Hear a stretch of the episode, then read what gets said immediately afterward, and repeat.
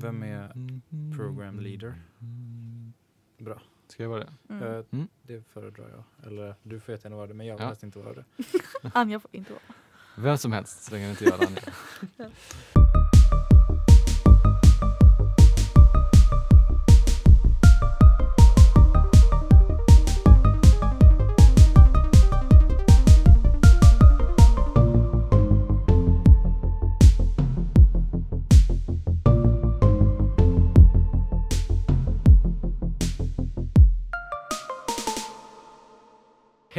och hjärtligt välkomna till fjärde avsnittet av Den marxistiska björntjänsten. Yay. Alternativt det andra avsnittet på den andra säsongen. Mm. Yes. Vi har inte bestämt oss än. Nej, och det kommer vi inte göra heller. Nej, du får leva med dubbel numrering ett tag till. Eh, ja, hänt sen sist och så vidare. Vi ska fortsätta med att läsa Kapitalet. Ska vi Ja. göra. Vi ska prata lite om Karl Marx. Mm. Det ska vi. Eller hur, Oskar? Det stämmer. Jag har en liten, eh, en liten eh, grej på Karl Marx kopplat till en liten god artikel jag har hittat. Mm. Du är lite så up to date med scenen. Ja, ja men det ska man säga. Jag är den absolut senaste informationen om Karl Marx. Ah, skulle man kunna säga. Den är från 2016 tror jag. Mm. Men, Shit. eh, mm. spännande. Ja, det kan bli riktigt bra tror jag. Men eh, vi drar igång med en liten eh, stinger. Uff.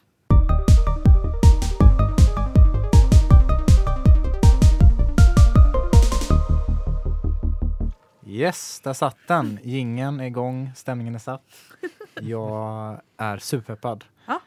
Ja, jag, som sagt, jag ska prata lite om en artikel om Marx. Den kommer ifrån eh, Teen Vogue Mm. och eh, de skriver lite om att han kanske inte var så tokig ändå. Jag visste inte att det fanns en Teen Vogue. Liksom. Det är som Vogue Nej. fast för tonåringar. Ja, precis. Jag kommer komma in lite på exakt vad det är för Ja, någonting. ja. Men, ehm, men så här, ja, det här är det enda jag vet om Marx. Så Tim Vogue, tack så hemskt mycket.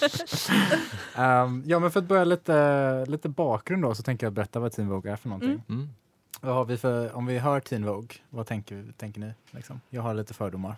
Eh, jag vet inte vad jag tänker. Jag tänker nog också bara på den vanliga Vogue.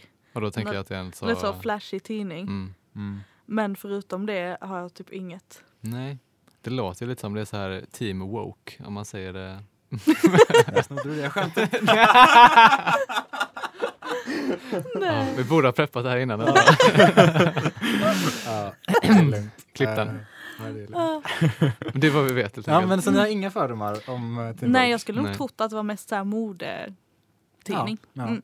Nu Jo, sa men du team woke va? Nej, nu sa jag Teen Vogue. Ja, just det. Ja, det är bara att jag, ja. Eh, ja, men det är numera en online-tidning. Mm. Den startades 2003. Bara? Ja, bara en Mm. online-tidning från kanske 2016 tror jag, något sånt. Vi kommer in på det lite grann Mm. också. Det är också en, en systertidning till vanliga Vogue. Mm. Eh, och den specialiserar sig på att, som vi redan har sagt, skriva saker om mode och uh, kändisar. Ja. Mm. Enligt Wikipedia så inriktar den sig till eh, flickor i tonåren. Mm. Mm. Och eh, det är inte helt olikt våra egna svenska versioner. Frida och Julia. Ja. Så vi börjar med att, eh, för lite sammanhang då, så har jag gått in på eh, Fridas hemsida. Mm. Och där får man upp... Eh, Deras artikel om Marx. ja, exakt. En komparativ läsning. ja, exakt. Men jag kände att jag ville veta lite så här, är det så att jag är så complete out of the loop att även de svenska versionerna är eh, mer politiska idag liksom, Mm. än vad de var när jag växte upp?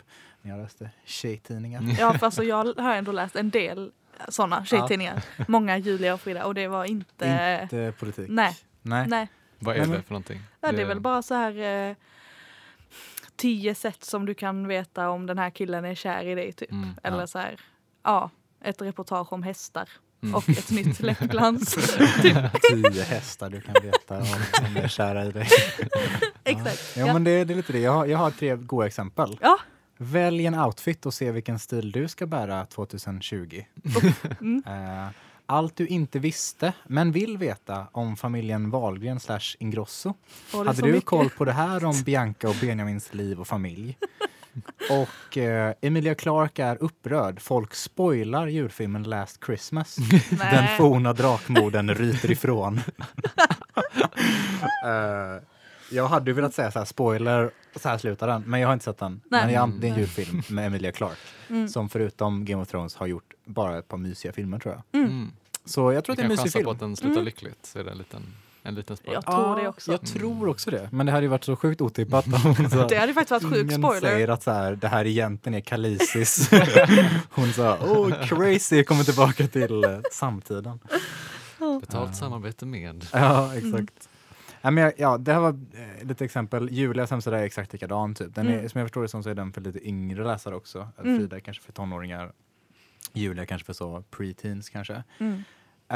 Tweens. men eh, exakt. Teen Vogue då, eller Teen Woke. Mm. som man kanske kallar det. Hur, eh, vad tror vi, hur ser det ut där? Är det sida upp och sida ner med kommunistiska och marxistiska idéer, artiklar? Låter som en retorisk fråga. Ja.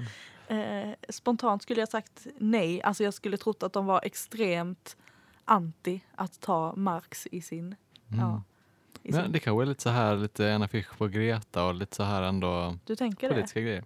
Ja, Ja. Jag får chansa. Ja, ja. Mm. Har, ni, har ni varsitt svar då? Mm. Ja. Svaret är uh, ja. det, det är liksom första sidan så liknar det väldigt mycket mer Julia och Fridas hemsida än Mm. typ arbetaren.se. Mm. Eh, men till skillnad från Julia och Frida så har de en flik om politik, vilket eh, jag tycker var väldigt intressant. Ja. Eh, och då gjorde jag lite gräv. Då. Vill ni gissa när de började skriva om politik? Oj? Obama. ja, 2014. Mm. Ja, Nej, men eh, lite tidiga. Det Mm. är 2016. Ja, det, det var när är de blev ju- eh, nättidning då. Ja, Trump. precis. Mm. Ja, det är ju Trump och Mm. valet som väldigt mycket spelar in. Att jag hittade en Mm. artikel från en, um, en tidning som heter The Atlantic. Mm.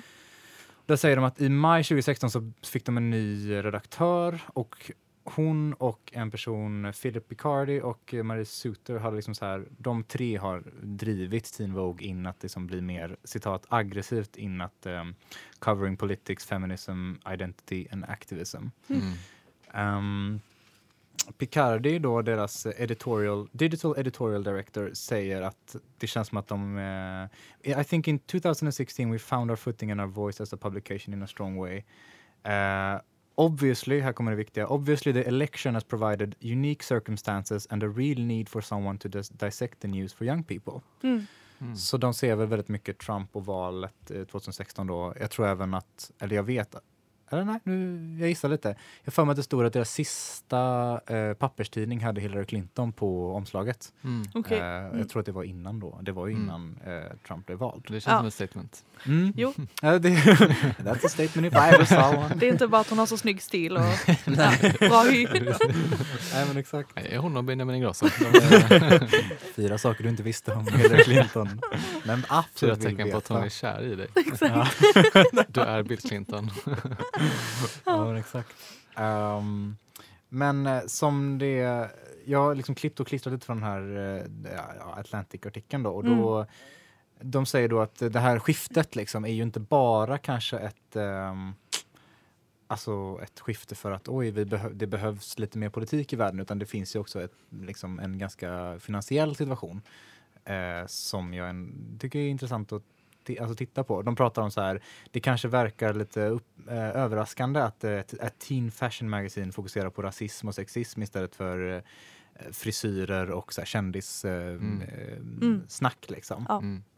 Men det, då missar man ju lite att så här, det som är typ hippt bland tonåringar idag är mycket mer Mm. politik och frågor som faktiskt rör eh, så här, världen. Det, Ja. det ser vi ju tecken på i, hela området, eller Ja. i hela världen. Liksom. Det är det som säljer. Ja, det är helt plötsligt det som säljer, ja. också det man bygger sin identitet på ju. Mm.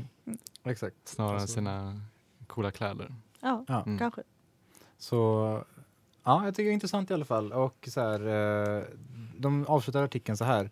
ehm, In many ways, Teen Vogue is simply doing what a fashion magazine does best, observing trends and disseminating them. Mm. But it's also giving young women valuable information about issues they care about, not to mention taking them and their manifold interest seriously. Mm. Så de gör det bästa en fashion-tidning kan göra Ja. helt enkelt. De hittar trender och så De tjänar de Karl pengar på det.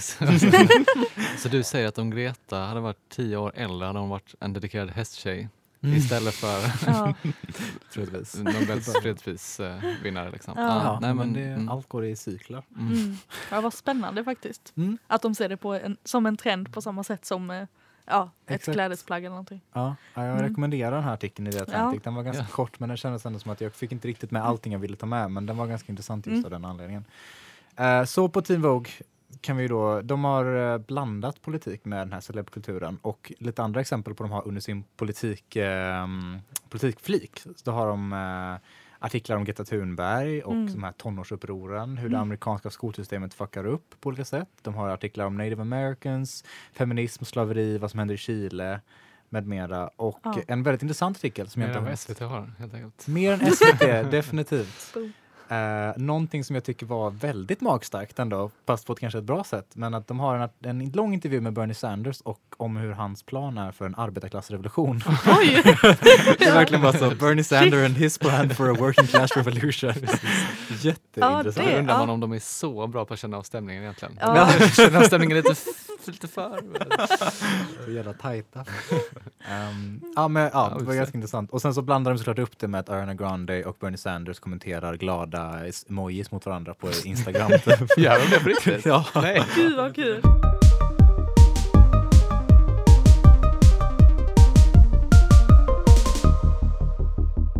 Eh, vi hade lite tekniska difficulties. Var var vi någonstans? Ariana Grande och Bernie Sanders. Mm, de Eh, var Instagram officials. Instagram official, precis. Eh, en lång intressant artikel om hur de eh, Bernie Sanders, alltså Aaron Grande hade varit på något tal av Bernie Sanders, Bernie Sanders blivit inbjuden till någon konsert och så Mm. sa han typ så här What an amazing young woman and she is also a very good political voice in the blah blah blah. Okej. Något sånt, jätteintressant. Mm. Ehm, yes, nu har vi lite kontext. Mm. Ja. Vi har hört om allting om Frida, allt om Teen Vogue. Mm. Jag tycker det här är ganska spännande som sagt. Jag är ändå ett fan av Teen Vogue och jag Ja. ja men är lite I'm förvånad. intrigued. Mm, Ja. verkligen. Men som sagt, nu är det Marx-artikeln Mm. Mm. som kommer och eh, ja, 2018 eh, skrevs den här. Vem är Karl Marx? Möt den antikapitalistiska forskaren slash lärde mannen, en scholar, svårt att översätta till svenska. Hans idéer är mer vanligt förekommande än du kanske inser. Mm. Bra ändå klickbait. Ja. Du kunde aldrig ana vad som hände 150 år efter hans död. Eh, Men sen smäller de till med någonting som tonåringar kan relatera till. Mm. You may have come across communist memes on social media. The man, the meme, the legend behind this trend is Karl Marx.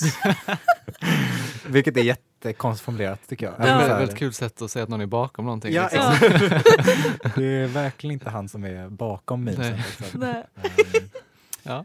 Men jag tycker ändå att eh, intressant. Är det det här sättet vi ska få folk engagerade? Mm. Eh, kanske. Jag tänker att du har ett Kanske. svar på den Ja. Svaret är ja. Jag kan säga att nättidningen Vice hade samma case. Jag har ingen eh, länk till det nu, men jag såg en annan sån. Vi behöver mer kommunistmemes liksom. Mm. Så helt enkelt, vi testar. Se om vi kan få lite mer engagemang den här kommuniströrelsen.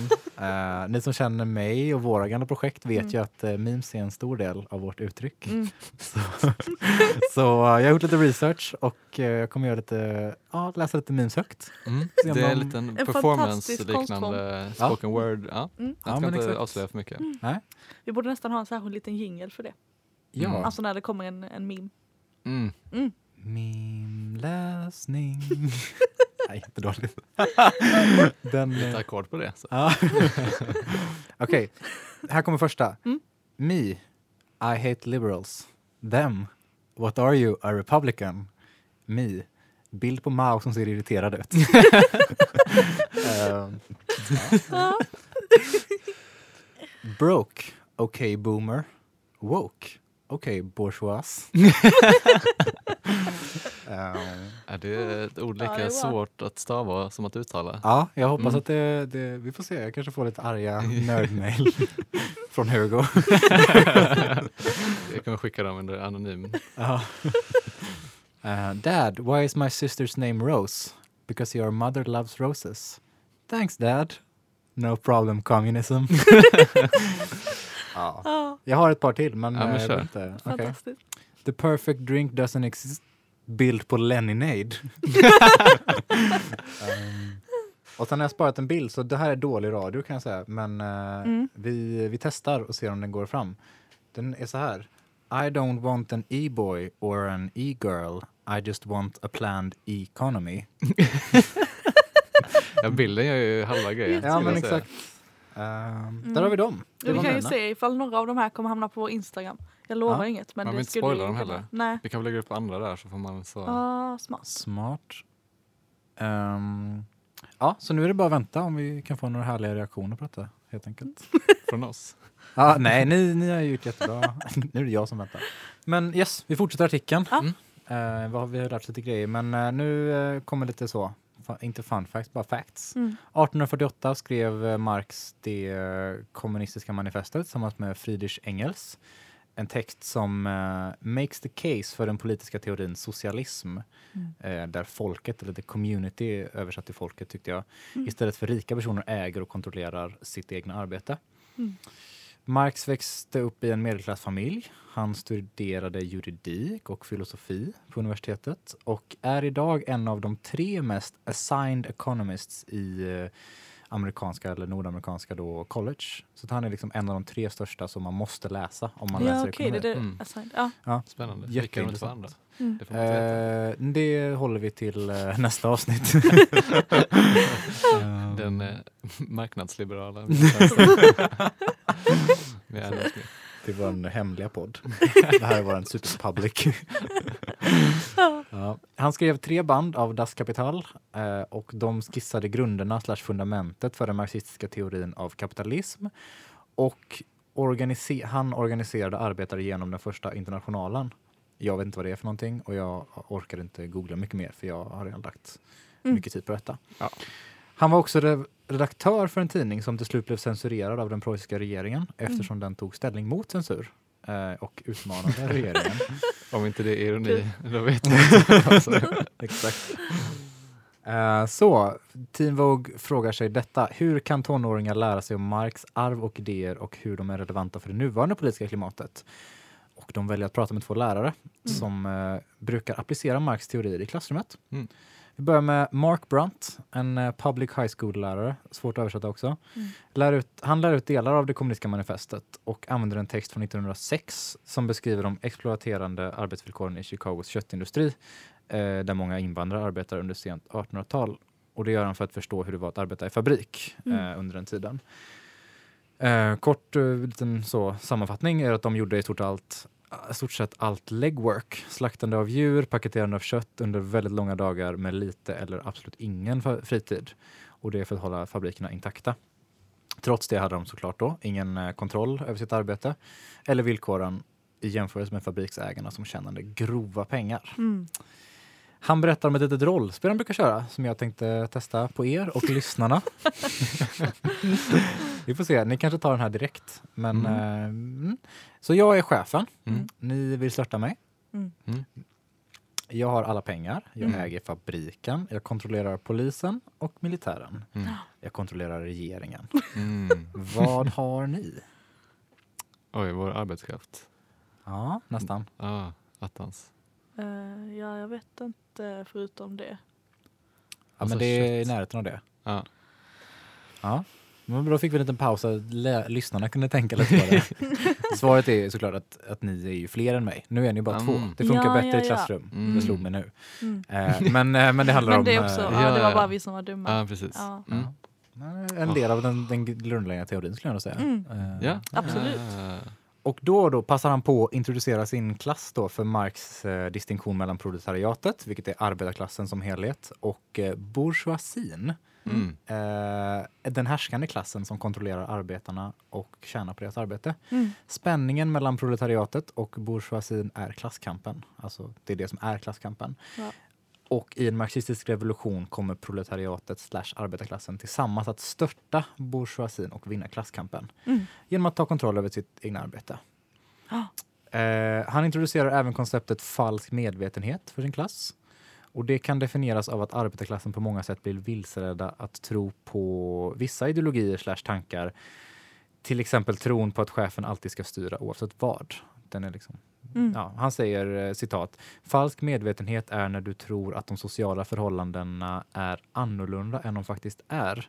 Du blir lurad att tro att dina allierade och dina fiender är andra än de är. Mm. Mm. Mm. Segt. Ja, Mm. Mm. det tycker jag, det kan man nog om man, en smartare människa än mig kan nog dra många paralleller till, till samhället idag. Eller jag tänker att just det här med falsk medvetenhet har väl att göra Ja. med varför Trump är vald eller så här, varför Sverigedemokraterna, alltså typ Mm. Mm. vissa grupper i samhället som tror att det ska bli bättre och tror att vissa människor står på en sida som egentligen inte gör det. Trump Mm. är väl det tydligaste exemplet med tanke på att han är liksom miljardär. Eh, Ja. Alltså arbetarklassen som tror att han är, skulle göra någonting för dem. Liksom. Ja, ja precis. Eh, jätteintressant tycker jag Verkligen. att Marx var så, så tidig med det. Eller ja, jag vet inte. Kanske- förutspådde Trump där nästan. Ja, det, det är det jag vill säga. Mannen bakom Trump. och memesen. Man the meme, the Trump. Den andra läraren som intervjuas i artikeln eh, är en universitetslektor, George Ciccarello Maher. Han använder Marx för att lära ut eh, historia och utmanar sina studenter att föreställa sig ett samhälle utan kapitalism och påminner om att det fanns ekonomiska system innan kapitalismen tog över. Mm. Till exempel feudalismen. Och där, det kan jag absolut ingenting om. Men ändå ett intressant Mm. sätt att tänka på, på historien. Liksom. Mm. Den, eh, Ciceriello Maher säger, Alltså stackars honom, han kan ta haft en lätt tid i grundskolan. han heter nog bara CM kanske. Ja. När jag undervisar Marx har det mycket att göra med frågor kring hur man kan tänka kritiskt om historien. Eh, Marx säger att vi lever under kapitalismen men att den inte alltid har funnits. Det är något som kom till och på en rent logisk nivå skulle kunna försvinna, störtas, avskaffas, bli irrelevant med Mm. mera. Mm. Det finns en myt om den fria marknaden. eh, Men Marx visar väldigt tydligt hur kapitalismen kom till ur våld. Ehm, Mm. några exempel som hjälpte till i etablerandet av kapitalismen i USA är bland annat att sno land från ursprungsbefolkning och eh, trafficking av eh, afrikaner, eh, Ja. alltså Mm. slaveri. Ja. Mm. Ehm, ja, men Teen Vogue slår fast att vi ofta får lära oss att historien rör sig långsamt, men eh, många marxister håller inte med om detta utan tror att det nuvarande socioekonomiska systemet är osäkert och kan störtas när som Ja. helst. Mm. När som helst. Any second now. Ehm, och eh, CM fortsätter. Dialektik betyder att historien inte rör sig långsamt eller gradvis utan framåt via citat, crushing blows of struggles between generally two opposing ideas or groups or concepts or people. Förstår vi? Ja. Mm, ja. Och sen en liten avslutning där då. Den eh, avslutas artikeln då med en liten art- text där de menar att även om man inte identifierar sig som marxist, socialist eller kommunist så kan man använda Marx idé att använda historien och klasskamper för att bättre förstå hur, det nuvarande socioekonom, hur de nuvarande socioekonomiska förhållanden kom till. Mm. Och istället för att se då till exempel Trumps vinst i presidentvalet 2016 som en enskild händelse Ja. i ingenstans så kan man titta på den som titta på den större bilden och se vad alla tidigare händelser leder fram till. Ja. Mm. Gud vilken eh, pedagogisk och så här grundläggande bra artikel. Mm. Ja, Jag trodde verkligen den skulle vara liksom ett eh, prank. ja, att det skulle Ja. vara något, något roligt bara. ja men, Men jag menar det här är också Att det skulle ändå jätte... komma någonting med killar på slutet. Ja, Och hur man vet att de är kära igen. typ. Ja. Jag- Typ Karl Marx fem bästa outfits. ja, men absolut. Jag är Ja. helt med dig på det också. Och nu känns det mer som att de så här är jättetydliga, pedagogiska och uppmanar till revolution. Ja, Mm.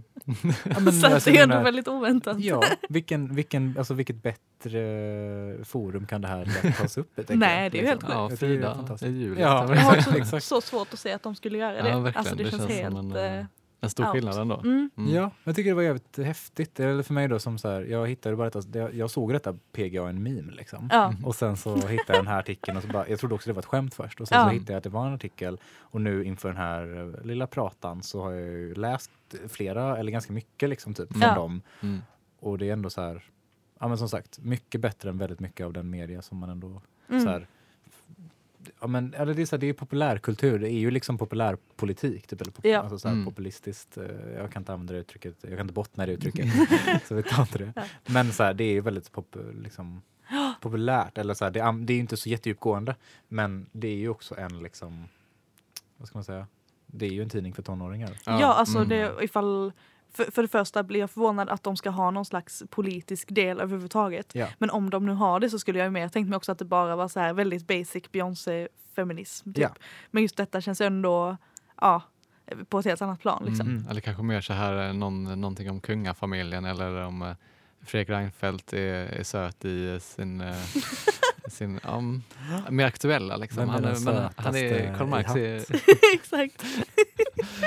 Göran Hägglund är min chansning. Nej, det är Stefan Löfven. Det- Just det. Ja. Just det. Självklart. Den är ju superenkel och jag missar den. Nej, men Men helt enkelt så är Karl Marx mer aktuell än det är väldigt spännande. Ja, för amerikanska tonårstidningar. Jag tycker det är modigt faktiskt att skriva om Marx. Alltså, delvis såklart för att det, ja, det kan vara lite känsligt ämne. Men Mm. också bara just för att han kan ju, det, alltså hela ämnet kan ju kännas lite torrt och tråkigt. Mm. Det kanske inte känns så här, automatiskt tänker man inte att Teen Vogues läsare ska tycka att det känns särskilt inne. Men de Nej. kanske de inte skulle vet själva att det är förlora. inne. De vet inte att det de vill ha än, läsarna. Nej. Det är för att de är så himla trendkänsliga. Eller kanske. så är det precis det som man behöver. Alltså, eller, eller så precis det som, som folk tror. Alltså, så här, de, de undrar varför Mm. blir det så här? Och Ja, jag kanske. läste också så här, typ, top trending fem artiklar var alltså under 2016. Har På jag inte uppe nu. På Teen Vogue var ettan var eh, typ Donald Trump eh, is gaslighting America. Mm. Och den andra var how to put on glitter nail polish Ja. the correct way. ja, det är det jag förväntar mig ja, men det är liksom att de båda två Ja, ligger ett och tvåa liksom. Gud vad spännande. Ja. Men undrar om det, kommer Det- komma till Sverige också eller om de är för dåliga trendspanare, de svenska. Men ja, det kanske inte heller, alltså det känns också som att eh, det här med Trump, alltså att det var i samband med det valet, det kanske inte har hänt, den grejen har inte hänt i Sverige Nej. än liksom. Det Mm. kanske är mer då om SD blir, jag vet inte, Mm. får bilda regering eller någonting, då kanske det skulle vara mer såhär, okej men nu har vi nått den punkten. Mm. Jag vet inte, men Mm. för det känns som att Trump ändå har haft den effekten. Men folk har ett Ja. helt annat förhållande till det i Sverige. Det känns inte som att folk hade har samma liksom, typ, så här, lite skämtsamma förhållande som folk har till Trump, liksom, till Mm. typ Jimmy Åkesson. Liksom. Nej, Det känns inte som att folk eh, tycker det är lika mycket av en meme. Typ, liksom. nej. Nej, det är inte Trump- lika roligt. Eller så här, det är inte Nej. lika så uppenbart. Det är inte roligt med Trump heller Mm. för att det är det klassiska. Så. Men alltså, Mm. han är ändå liksom någon slags populärfigur. Så Ja, han var ju han är ju meme innan. också mycket, Liksom. ja. Ja. Exakt.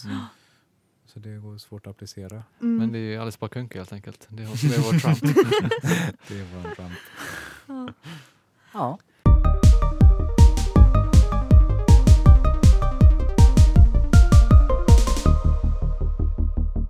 Okej, en liten sammanfattning av vad vi har lärt oss eh, so far i kapitalet. Mm. Och om vi har missat någonting så får man helt enkelt ta och lära sig den hårda, väg, hårda vägen och lyssna på allting. Mm. Men vi har lärt oss att rikedomen i kapitalistiska samhällen eh, visar sig som en enorm varuanhopning. Eh, och därför börjar vi med en analys av varan. Eller vi, Karl Marx gör det. Mm. Det som utmärker varor är att de är nyttiga för människor. De har ett bruksvärde man kan använda. Bruksvärdet är något kvalitativt. Eh, Det är hur det är nyttigt för människor. En fisk har ett bruksvärde för människor, man kan äta det. En dator har ett annat bruksvärde. Även om vi inte kan jämföra olika bruksvärden så ja, precis, är det bättre att äta en fisk jämfört med att ha en dator? Mm. Det vet man inte. Nej. Bytesvärde är det kvantitativa värdet som alla olika varor eh, jämförs genom. Eh, det specifika mänskliga arbetet har skapat det kvalitativa bruksvärdet i varan. Abstrakt mänskligt arbete producerar bytesvärdet. Lite krångligt, men det benar vi igenom för något avsnitt sen. Yes. Eh, bytesvärdet då bestäms av den samhälleligt nödvändiga arbetstiden, genomsnittstiden, eh, oberoende om någon jobbar fort eller långsamt. Så hur stort ett, en varas bytesvärde är beror på arbetstiden som läggs ner i den och då är det inte den, den enskilda specifika arbetstiden utan den samhälleligt eh, nödvändiga genomsnittsarbetstiden. Just det. Många långa ord här. Mm. Ja. Och man eh, kan ha bruksvärde utan att det blir till varor. Om de är för eget bruk till exempel. Om man odlar tomater eller någonting så och inte säljer dem, då är det att det är, ja, de är tomater och de har ett bruksvärde för dig, men de är inte varor. Mm. Och även saker som inte har blivit producerade av människor kan ha ett bruksvärde som luft eller vatten eller eh, Ja. något sånt. Mm. Men ingenting kan vara en vara om det inte har något bruksvärde. Man kan inte heller eh, tillverka eller sälja grejer till folk om de inte har något, något eh, värde för, eh, för människor. Och sen så för sist läste vi om att arbetet eh, har också likt varorna en dubbelkaraktär. Så det finns eh, eh, ett arbete, då, specifikt arbete som leder till eh, det kvalitativa och det abstrakta som leder till det kvantitativa. Mm. Abstrakt. Och sen har vi också lärt oss att varuproduktionens existens bygger på en samhällelig arbetsdelning att det är också något som är eh, nära sammankopplat med kapitalismens uppkomst. Att folk jobbar med olika grejer. Mm. Vissa jobbar med att göra poddar. Mm. Inte vi då, men eh, Inte en krona känner jag på det. eh, så det är det vi har lärt oss hittills. Ja. Och nu ska vi lära oss ännu mer. Mm, det ska vi. Det, så, det, så är det. Och då börjar vi på sidan Eh. 42. Sidan 42. Och idag är det jag som läser. Woo! Äntligen. Mm. Tack. Om ni inte har tröttnat på min röst redan. Eh, så här får ni lite till. Då är vi på sidan 42 som sagt. Uh, vad är det? Kapitel 1.3 eller hur funkar det? Mm. Ja. Det tror jag. Värdeformen eller bytesvärdet. Varorna kommer till i form av bruksvärden eller varukroppar såsom järn, linneväv, vete och så vidare. Detta är deras miljöbundna naturalform. Fattar ingenting. De är dock varor endast på grund av sin dubbla roll av på en gång bruksföremål och värdebärare. Att de är... Ja, de är, har liksom två roller samtidigt då. De är både bruksföremål och värdebärare.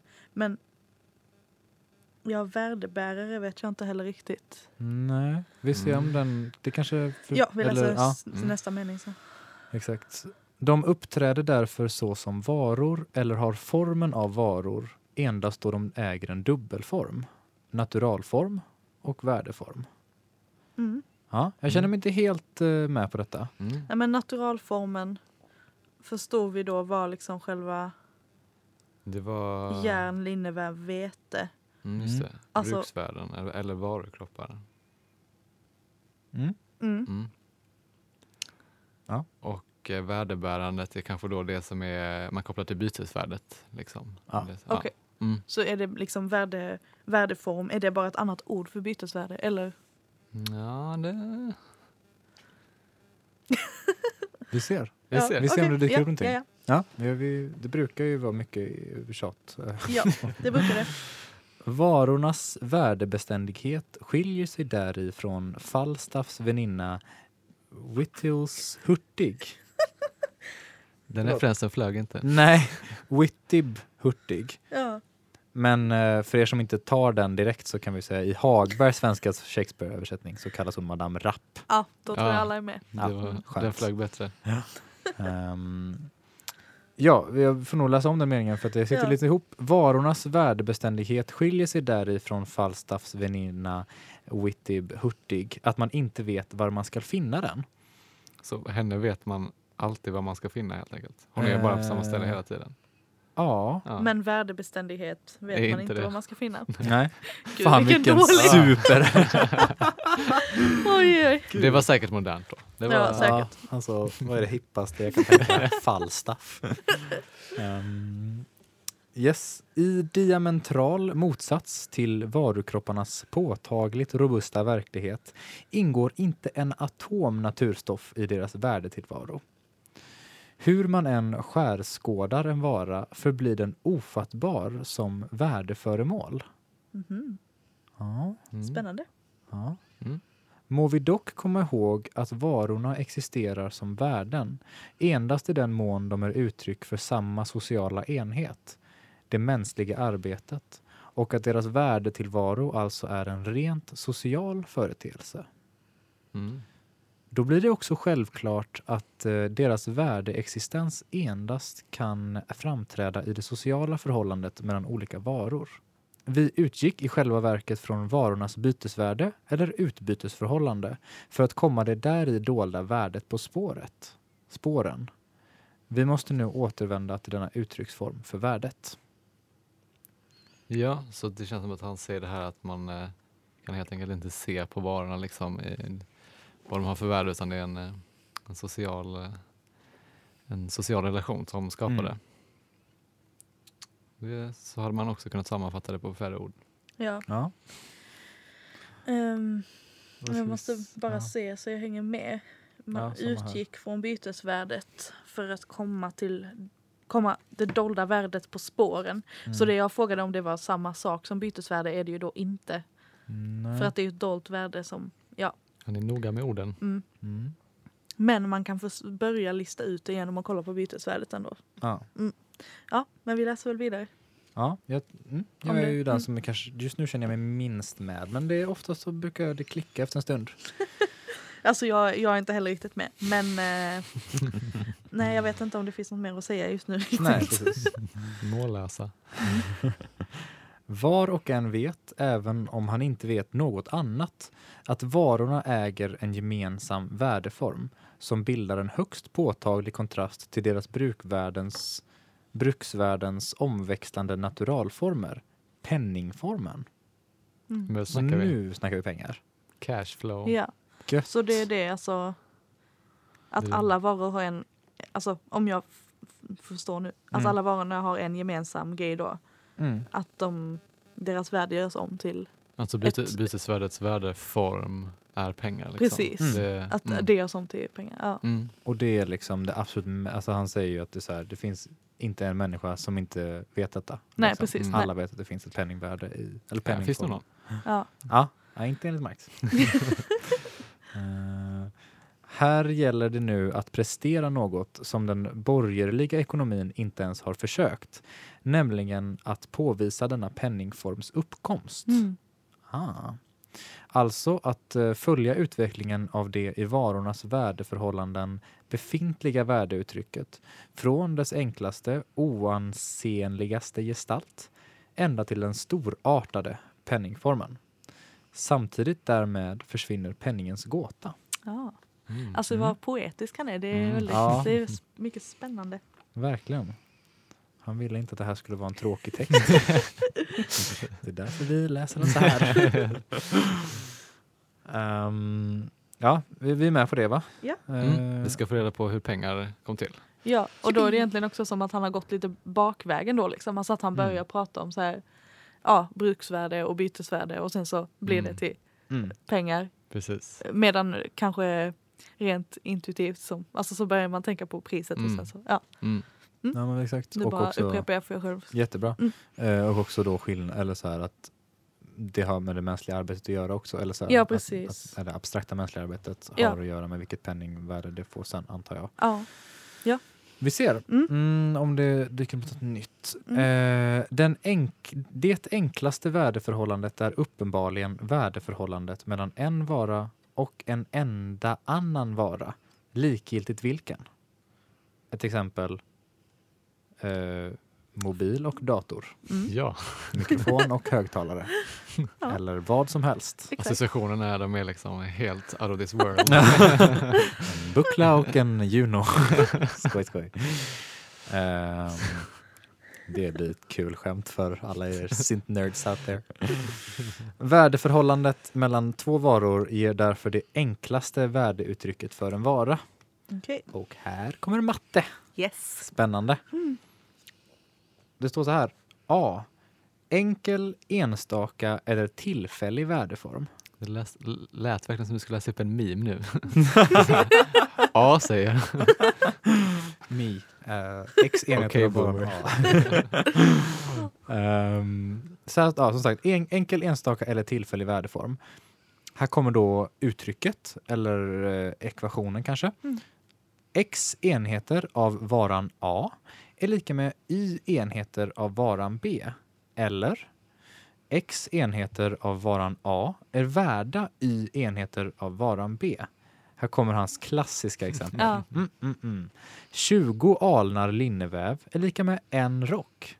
Eller 20 alnar linneväv är värda en rock. Väldigt tydligt. Väldigt tydligt. Ja. Men så vi kanske ändå bara ska ta det till ett mer eh, modernt exempel. För det tycker jag vi har gjort väldigt bra. Eh, ja. Har vi någonting? Ehm. oj, oj, oj. Mm. Eh, vi säger eh, eh, 20 äpplen är värda en fläskfilé. De var ju tidlösa snarare än moderna kanske. Men det, Ja, det är sant. Men, eh, nej men ja, nu vet jag inte om jag Mm. förstår då. Menar du att de skulle vara... Eller berätta hur, Nej, hur jag- du tänker. Jag tänker så här Mm. att eh, det han säger är 20 alnar linneväv är värda lika mycket som en rock. Ja. Och att vi snackar om det inneboende värdet, att de liksom inte har någonting med varandra att göra utan mer bara att du skulle kunna byta då 20 alnad linneväv mot en rock rent. Mm. Hur mycket vä- alltså vad heter det, Bru- inte bruksvärde det andra, Bytesvärde. Mm. Mm. eh, det har. Så tänker jag. Så då har det fortfarande ingenting med pengar att göra utan bara och inte heller det här med att linnevävarna, att man skulle kunna sy en rock av linnevävarna. Nej, Utan- för det, Mm, det nej, tror jag precis. bara är en Mm. förvilling. Eller Ja. för Mm. så tolkar jag det. Jag kan Han ha borde valt två grejer som är mer olika. För det var ju det han exakt. sa innan Mm. också att det är likgiltigt vilka ja. Ja. Mm, Så då är det precis. klart det är bättre med Annars är det så en sko och en sko, ja det är lika mycket värt som ett par skor liksom. Ja. Och då är man lite så, ja. Ja, mm, nej. mm. Men Ja, okej, exakt. så då menar du bara att du skulle kunna byta 20 äpplen mot en fläskfilé. Båda är nöjda. Ja, Mm. eller, ja, det känns precis. liksom rimligt, de är värda lika mycket. Ja, precis. Så det är någon slags då I också bruksvärde då liksom. förstadie Ja. till pengar. Eller, eh, här inte i bruksvärde. Nej, bytesvärde. Bytesvärde. Bytesvärde. Mm. Mm. Förstadiet till pengar. Ja, precis. Mm. Kanske bytes eh, som de gjorde the, the good old days. Just det.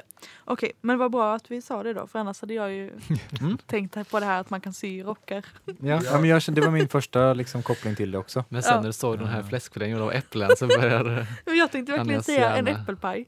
Alltså liksom 20 äpplen. det Ja, var den. Eller det hade varit en jättebra... Ja. jättebra Det det var också varit- jätteförvillande. ja, exakt. Ja. Ett Marx-exempel. Ja. Ja. Det hade du kunnat komma på säkert bättre, men, men bara men det det att det är var- så himla svårt så tänker jag att det, nu förstår vi hur det var för Ja. Marx. Man kan inte göra Ja. rockar av linnevävar. Det är bara att vi inte har någon Nej, koll, alltså en liksom. linnerock, jag vet inte. Nej, Hade man...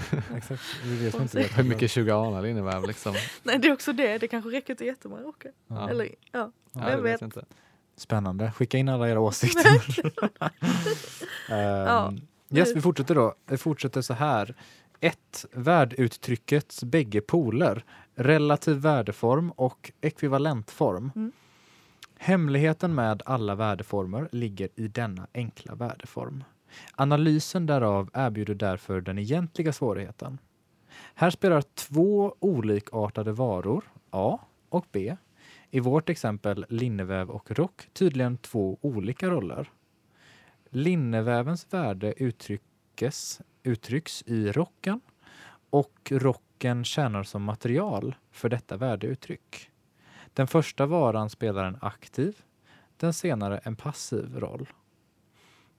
Den första varans värde är framställt som relativt värde eller varan befinner sig i relativ värdeform. Den andra varan fungerar som ekvivalent eller befinner sig i ekvivalentform.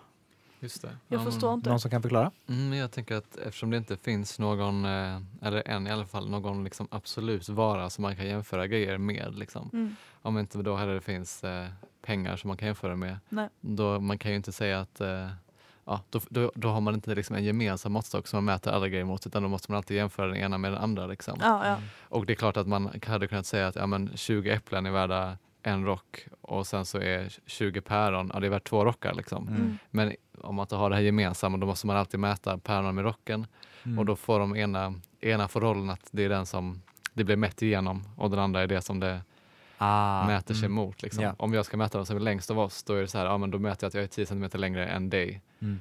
och du är 10 cm kortare än mig till exempel. Men hur långa är vi egentligen? Det vet ingen. Vi har ingen mått. Var ett exempel. Ja, Men om jag är Okej. mycket längre. Men då ett stod det här- exempel för mig. Vad skulle du säga Anja? Det var tur från luften. 10 cm. Det kan vara vad som helst. Nej, men då stod det här att den första varan spelar en aktiv, den senare en passiv. Så linneväven är aktiv och rocken är passiv. I det här fallet om man vänder Men på är det bara, så- ja, för det är bara för vilken man säger först, alltså som du sa med Mm. er längd då, Ja. så det är egentligen bara, Men för jag, Mm. man kan säga att antingen är jag, min längd är Oscar plus 10 eller Oscar, vi fortsätter berätta nu jag tycker Mm. det är så Ah, jobbigt. nej, Ja. det är verkligen ingen fara. Och sen så är Oscar Hugo minus 10. Men Precis. hur långa är vi i centimeter? Det men om du säger att Oskar är Ah. Hugo minus 10 så är det Oskar som är den aktiva. Mm. Eh, ja, så borde det vara. Och jag är ekvivalentformen. För då. att det, det, Ja, det är liksom det resultatet man vill komma fram till och Men han det är bara mig mäter sig Jag är mot det. måttstocken liksom. Ja, Mm. precis. Men det som är intressant är Oskars längd, alltså det är det som Ja. är svaret. Ja, det är. Hugo Mm. minus 10. Mm. Korrekt. Snyggt, det här Ja, känns det mycket tydligare nu. Ja. Um, fortsätter. Relativ värdeform och ekvivalentform är sammanhörande, ömsesidigt varandra betingade, oskiljbara moment men samtidigt varandra uteslutande eller motsatta ytterligheter, Mm. det vill säga poler för ett och samma värdeuttryck. De delar alltid upp sig på de varor som värdeuttrycket sätter i förhållande till varandra. Jag kan till exempel inte uttrycka linnevävens värde i linneväv.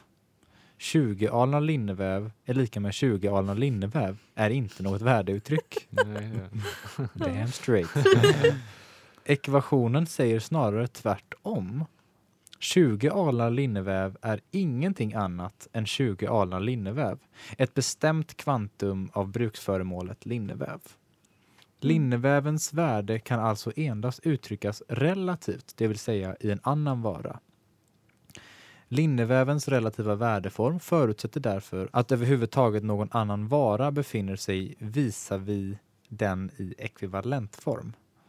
Mm. Och så Eh. bara att man jämför den med en annan vara. Ja, Jag tycker det var bra det som du sa innan också med ifall man tänker att man inte Alltså bara för det jag tyckte det var tydligt om man tänker att innan man hade några pengar liksom. Mm. mm. Det, Ja. det blir Mm. tydligt av varför man ska hålla på så här Ja.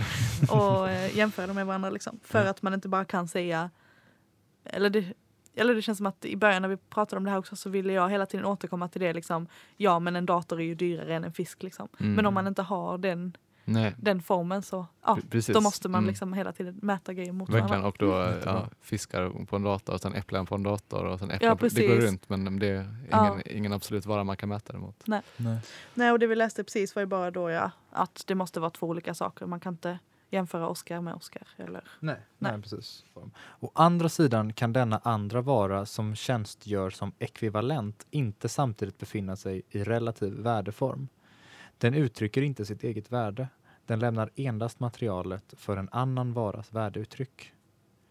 Visserligen innesluter uttrycket 20 alnar linneväv är lika med en rock eller 20 alnar linneväv är värda en rock även det motsatta förhållandet. En rock är lika med 20 alnar linneväv eller en rock är värd 20 alnar linneväv. Men så måste jag dock vända om ekvationen för att relativt uttrycka rockens värde och så snart jag gör det blir linneväven ekvivalent istället för rocken. Samma vara kan alltså inte i samma värdeuttryck samtidigt uppträda i bägge formarna. Dessa utesluter tvärtom varandra diametralt. Mm. Så det var har vi redan gått igenom. Liksom. lite Men det här ordet ekvivalent, Mm. då är det alltså eh, samma sak som att den skulle vara passiv då. Mm. Kanske. Precis, det man Ja. mäter mot. Just det, det är det det betyder. Ja. Huruvida en vara befinner sig i relativ värdeform eller i den motsatta ekvivalentformen beror uteslutande på dess tillfälliga funktion i värdeuttrycket, det vill säga därpå om den är den vara vars eget värde uttryckes eller den vara genom vilket värde uttryckes. Mm. Mm. Klart som korvspad. Det tycker jag. Spännande. ja, verkligen. Två. Den eh, relativa värdeformen. A. Den relativa värdeformens innehåll.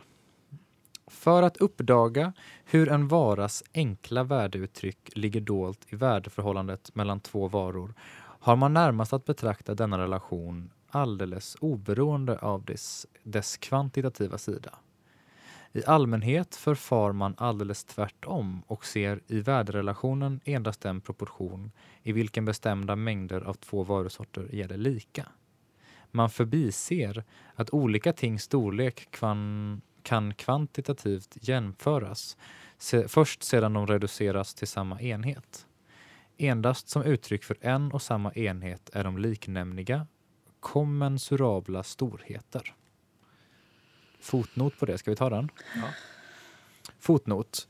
De få ekonomer som i likhet med Bailey har sysslat med analysen av värdeformen kunde inte komma, komma till något resultat. Dels emedan de förväxlar värdeform och värde, dels emedan de under det primitiva inflytandet av inflytandet av den praktiska borgaren från första början tar sikte på den kvantitativa bestämdheten. Citat. Förfogandet över kvantiteter... Punkt, punkt, punkt, är det som gör värdet. Eh, sagt av den här Bailey, då, författaren Bailey. Mm. Jag, hängde inte med riktigt Nej. på vad vi sa här men det kanske inte spelar någon roll. Eller vi, det känns som att det kanske visar sig om vi fortsätter läsa eller? Mm. Jag tror det Vi också. chansar på det. Mm. För det, det ser ut som att det här är väl lite mer matigt här. Ja. Vi testar. Vare sig 20 alnar linneväv är lika med en rock eller är lika med 20 eller är lika med x rockar, det vill säga varje, vare sig ett givet kvantum linneväv är värt många eller få rockar, så innebär varje sådan proportion att linneväv och rockar som värdestorheter är uttryck för samma enhet, ting av samma natur. Linneväv är lika med rock är ekvationens grundval. Mm. Men dessa två kvalitativt jämbördiga varor spelar inte samma roll. Det är endast linnevävens värde som blir uttryckt. Och hur? Genom relationen till rocken såsom dess ekvivalent eller, mot, eller det mot väven utbytbara. I detta förhållande spelar rocken sin roll som värdets existensform, som ett värdeting, ty endast som sådant är den jämförbar med linneväven. Å andra sidan kommer linnevävens egen värdeexistens i dagen eller får ett självständigt uttryck, ty endast som värde har den relation till rocken som något likvärdigt eller utbytbart. På samma sätt är smörsyra och eh, profilformat, profilformat olika kroppar. Jag känner mig lite lost nu. Ja, jag med. ni- ja. Mm. Men vi kanske bara ska köra på ändå. Så det känns Okej. som att temat är den här likheten. Liksom, Mm. i, eh, att man kan, jämföra, man kan jämföra olika saker med... med på, mm, ja, man kan jämföra olika saker helt enkelt. Mm. Och det tyder på någon likhet då, i bytesvärdet. Då fortsätter vi. Eh, just det, vi snackar om eh, smörsyra och profilformat. Det är mina Yes. ämnen. Väldigt bra referenser. Bägge består dock av samma kemiska substanser. Ah, det är därför han vill prata om det. Kol, vilket är C, väte, vilket är H och syre, vilket är O. Och det i samma procentuella sammansättning, nämligen C4H8O2. Och för det andra hade man sagt att även smörsyran består av C4H8O2. Genom att sätta likhetstecken mellan propylformat och smörsyra hade man alltså uttryckt deras kemiska substans till skillnad från dess materiella form. Mm. Mm. Mm. Om vi säger som värden är varorna blott och bart substanser av mänskligt arbete så reducerar vår analys dem till abstraktionen värde men ger dem ingen från deras naturalformer skiljaktig värdeform. Annorlunda i värdeförhållandet mellan en, va- en vara och en annan. Dess värdekaraktär framträder här genom dess egen relation till den andra varan. Eh, naturalformer är bruksvärden. Så om vi gör om värden till bara den här substansen av mänskligt arbete så reducerar analysen dem till abstraktionen värde men ger dem ingen... Det, då, då säger det alltså ingenting om det som är specifikt deras bruksvärde. Eller? Jag, jag förstår liksom inte Eh. riktigt. Nej men Men de är bara, alltså blott och bart måste betyda enbart antar Exakt. jag. Endast. så Ja. om vi gör om det till bara den här lilla grunden av mänskligt arbete, Mm. det förstår jag. Mm. Eh, då, då gör vi om dem till abstraktionen värde. Att man inte kan skilja dem, förlåt. Nej men säg vad du Att tänker. man inte kan skilja dem från varandra, alltså deras natur, naturalformer då. Att man glömmer bort den, den aspekten. Man gör om det till bara det här abstrakta mänskliga arbetet då typ. Ja, Men man glömmer bort deras egenskaper, alltså som Det- måste, de måste finnas skillnader på dem för att, som deras bruksvärden. Alltså egens, ja, den skillnaden är i bruksvärde. Eller? Ja. Och också format, alltså överlag tänker jag. Ja. Det är det jag tänker att han menar med det här, eh, de här kemiska substanserna. Jag vet ju i och för sig inte vad smörsyra och profilformat är, men jag antar att trots att de har samma då kemiska beteckning så är de väl inte samma sak alltså i ett De har inte på, samma liksom. nej, funktion då typ. Det jag Nej, så- tänker eh, att han menar är att om, bara för att när vi gör den här abstraktionen då och Mm. det här till det här abstrakta värdet så har vi ännu inte gett dem en, eh, en värdeform som är, går att skilja från eh, själva varorna, vilket pengar då är. Liksom. Mm. Så att vi- abstraherar men då har vi fortfarande inte eh, lagt den här abstraktionen i något annat fysiskt utan den är fortfarande i deras naturalformer. Men sen Okej. när vi har pengar, då har vi lagt det här abstrakta värdet i någonting som är annorlunda Mm. än Okej. deras naturalformer. Men var det som jag sa nyss, var det fel? Liksom, har jag missförstått det? Jag Eller kan var inte det... riktigt säga att jag förstår vad du menar. Nej, okej. Så, att det, Nej, det vet inte jag heller riktigt kanske. så jag tänker att det hade varit så här, eh, Jag säger vad du tänker. om, om vi säger att vi har pengar, Mm. då när vi reducerar varorna till blott abstrakt eh, värde och pengar är värdeformen för det här eh, värdet, då är det en värdeform som är skiljaktig från deras naturalform. Ja. Okej, ja, vi får se om det blir tydligare. Ja. vi läser vidare. Ja. I och med att till exempel rocken som värdeting sättes lika med linneväven blir det i rocken nedlagda arbetet satt lika med det i linneväven nedlagda. Nu är visserligen skrädderiet som frambringar rocken och väveriet som producerar linneväven olikartade konkreta arbeten. Men likvärdigheten med väveriet reducerar faktiskt skrädderiet till det i bägge arbetena verkligt lika till deras gemensamma karaktär av mänskligt arbete. Mm. Mm. Det förstår jag. Det förstod jag också. Ja. Mm. Yes. Win. På denna omväg är därmed också sagt att inte heller väveriet, såvida det producerar värde, har några från skrädderiet avvikande kännemärken utan alltså är abstrakt mänskligt arbete. Endast uttrycket för ekvivalens mellan olika varor bringar det värdebildande arbetets specifika karaktär i dagen, därigenom att det verkligen reducerar de i olika varor nedlagda olikartade arbetena till det för dem eh, gemensamma till mänskligt arbete över huvud. Ja, Så- så det, innan man bytte varor behövde man inte tänka på att allting var abstrakt mänskligt arbete utan då höll man bara på att väva och skrädda. Mm. Det är emellertid inte tillräckligt att uttrycka den specifika karaktären hos det arbete varav linnevävens värde består. Mänsklig arbetskraft i rörligt tillstånd eller mänskligt arbete bildar värde men är inte värde. I kristalliserat tillstånd, i materialiserad form, blir det värde. För att uttrycka linnevävens värde såsom substans av mänskligt arbete måste man uttrycka det som något inom citationstecken objektivt som är sakligt skilt från själva linneväven och samtidigt gemensamt för densamma och andra varor. Uppgiften är därmed löst. Mm. Mm. Svårt. Mm. Ja, men det är väl bra det där ändå kanske med att mänskligt arbete bildar värde men är inte värde. Mm. Mm. Alltså att det kan bli till värde. Mm. Precis, så varor är liksom eh, dött arbete, tror jag han brukar eh, kalla det. Liksom, kalla det. Okej. Inte för det, ja, men, ja helt enkelt. Just det, pratar han Utkristalliserat. om, eh, han pratar om aktivt, vad var det han kallade det?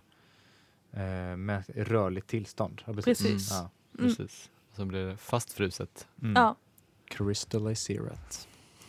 Ja. Men eh, då säger vi kanske att vi ska ta en paus där helt enkelt. Vi, eh, Det är så svårt att fokusera på detta så himla länge med min lilla, lilla hjärna. Om Oskar kärna är 10 cm mindre i omkrets än Hugos hjärna, då är det ekvivalentformen. Exakt, och det känns redan förvirrande.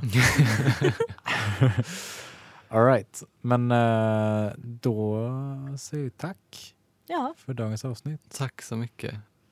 Vi heter Oskar Nyman. Hugo Solling. och Anja Horner. Yes. Och vi skickar en marxistisk björntjänst eh, right out there. faktiskt björnkram. ja, jag var inne, jag vet inte hur jag ska, vad som var roligast. Ja. Vi skickar marxistisk kärlek eh, till rörelsen. Läs memes Ja, för varandra.